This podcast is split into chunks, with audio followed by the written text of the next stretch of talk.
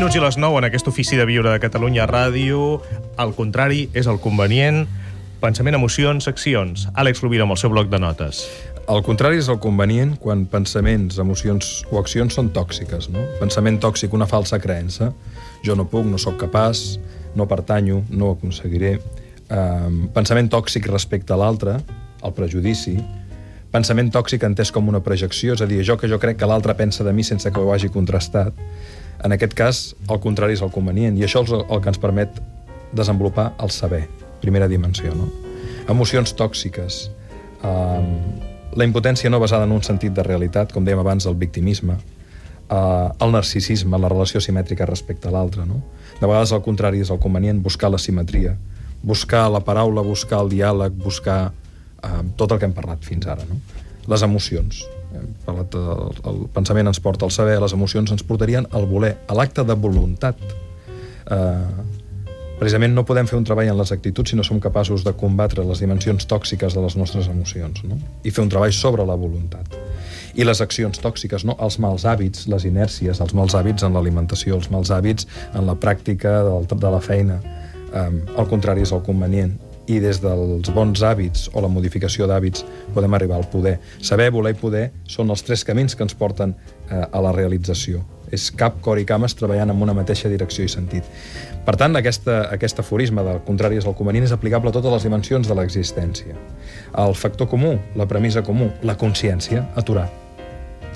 Aturar el pensament tòxic, prendre consciència d'ell, com abans deien la Conxa i la Míriam, prendre consciència de l'emoció tòxica per poder-la gestionar, per poder-la alliberar, per poder-la portar en un treball terapèutic, en la conversa amb l'amic que ens ajudi a alliberar-la, i l'acció tòxica, no? Tenir la persona que et faci veure, millor que estàs amb un comportament tòxic per tu mateix i pels demés, i a partir d'aquí la consciència per voler-ho per poder-ho canviar, no? Míriam, eh, Conxa Pinós... Que... Sí, jo sí. diria que estic totalment d'acord i que el que passa que a vegades eh, volem i ens agradaria poder, però tenim mm, dos grans enemics que són les excuses i la mandra. És a dir, tenim mandra a comprometre'ns al canvi, estem acostumats a aquestes accions tòxiques i aleshores posem excuses, és que sóc així, és que em passa això, és que m'han fet això... Això és boníssim, eh? perquè les excuses venen del pensament, la mandra ve de l'acció i, i, i les emocions ens portarien a la impotència, no? El no puc. Per tant, és que anem a fer-ho quadrar, no? Jo, jo identificaria primer potser pels oients perquè facin alguna cosa aquest cap de setmana, cinc coses. Segur que faran moltes coses els oients aquest cap de setmana. Però amb aquestes coses de com canviar de, des d'una perspectiva molt altra no poden fer-ho. I de, sí, vale, ja sé que he de fer el contrari, però com faig aquest pas bé, de transició? Eines no? pràctiques. Sí, eh, observa la teva enveja, l'odi, la gelosia, la ràbia i l'egoisme. Primer, observa. Introdueix petites variables a la teva ment. Eh, fes petites promeses. Un dia no faré no seré envejós, per exemple. Mm. I observa... Petits compromisos, petits contractes sí, amb tu mateix. com a commitments, no? I mm -hmm. després el rejoice, t'has d'alegrar de que ho has aconseguit, almenys durant un dia. I en aquesta alegria del canvi s'ha introduït una nova llavor que és important per a, per a canviar la teva ment, perquè si no no canvies. És que, fixa't que probablement si tinguéssim que posar una, un factor comú, un, un final, no un llaç final, atura't Sí, per fer, el, per fer el, que, el, que el contrari sigui el convenient, atura't. Mm. Atura el teu pensament, pren la consciència, atura les teves emocions, atura't, no? Que això també és molt, molt búdic, no? El fet de serena't, sí. escolta la petita veu interior, que diria l'Ailin Cadí, uh, escolta't, pren consciència, atura't, atura't, perquè la inèrcia et porta precisament a seguir fent el que estàs fent i per tant no pots canviar res, no? Allò que deia Milton Erickson, no? Que s'atribueix a Einstein, però que és d'Erickson, que deia si vostè segueix fent el que està fent, seguirà obtenint el que està obtenint. Si vostè vol aconseguir quelcom nou o diferent, vostè ha de fer quelcom nou o diferent. Una obvietat, um, però que té un gran valor si ets capaç de ser conscient d'ella, d'incorporar-la a la teva vida i d'aplicar-la. No?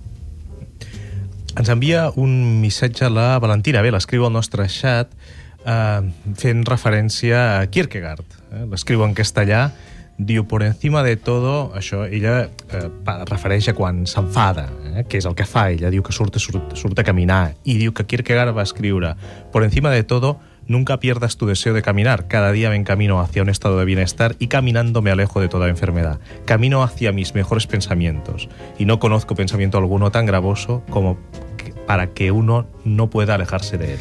Això ens porta a lo que, ens, di- a la, que- a lo que la medicina està descobrint darrerament en la, pel que fa a la gestió de l'estrès. Si tu vas molt estressat, és molt difícil que facis una meditació serena. Clar. Has de cremar hormones. I, per tant, fes esport. No? Això ho deia Kierkegaard i també ho deia... Hi ha, un, hi ha un assaig que us recomano, que és deliciós, molt breu, que està publicat per Olanyeta, que es diu Passear, de Henry David Thoreau, passejar. I és un assaig preciós sobre les virtuts terapèutiques que té el passejar. No? El, con- passejar i contemplar. El fer exercici per contactar amb la naturalesa i a la vegada per contactar amb el nostre cos, per cremar, per netejar. És molt important això que ens escrivia la, la, Valen, Valen, Sí, la Valentina. La Valentina, no? En el sentit de que eh, podem fer moltes elucubracions mental, però hem, no hem d'oblidar que, som, que tenim un cos i que, i que és important donar-li un bon aliment, eh, no només físic, sinó també una bona sortida energètica per poder fer, eh, sí. per poder prendre consciència. Sí, com s'ho fa la Conxa Pinós per meditar quan està nerviosa? Doncs introduint accions així a la ment, no? De vegades, quan, de vegades que he estat malalta aquests darrers mesos no he pogut caminar gaire i llavors he caminat mentalment. M'he posat escenaris i he començat a caminar, però això has de tindre més pràctica, no? Això són hores de vol, eh? Sí. sí. Són visualitzacions. També. sí. I el que faig és escriure, pintar, passejar, si puc, i, i deixar que volin els nervis, que se'n vagin i, i anar-me serenant i anar con connectant de nou amb aquest temple interior que tots tenim, no? Aquesta, aquest espai de silenci interior. Avui a l'Ofici de Viure, al contrari, és el convenient amb un petit parèntesi, que és el que li ha sortit a l'Àlex Rovira, aquest rampell eh, de que, que és sí, molt que sí. humà. No, no, però que a més dit, és determinats moments però en determinats incapaç. moments, davant de la justícia, davant de la, de la defensa de la dignitat o de la vida, has de fer el que has de fer. Jo, eh, llavors m'he imaginat l'Àlex Rovira que ha après arts marcials, eh? Perquè, clar, quan, eh, com que és tan No, contundent i tan dur... Però precisament l'aikido, no? finalment, que és la, la, per mi la, la millor, la més completa de totes, que és l'art marcial de la aikido, no?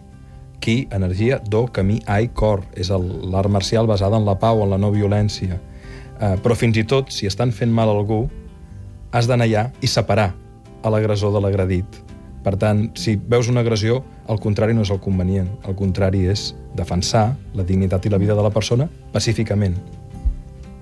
Moltes gràcies, Àlex Rovira. Fins divendres Moltes que ve. gràcies. Gràcies, Conxa Pinós, Míriam Gràcies. Sobirana. Molt bona Gràcies. nit.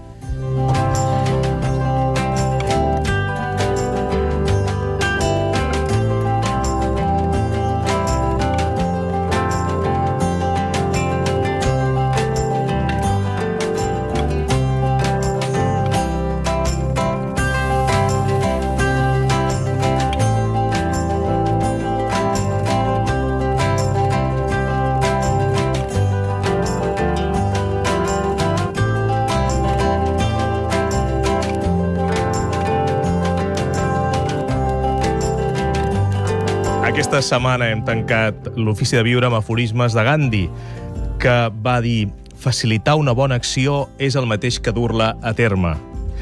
I també va dir, i això es relaciona, ho podem relacionar amb el tema del qual parlarem dilluns a l'Ofici de Viure amb Josep Maria Fericle, que cal cuidar el caràcter perquè formi el destí. I el destí en serà la vida. Dilluns parlarem de el destí a l'Ofici de Viure. Molt bon cap de setmana.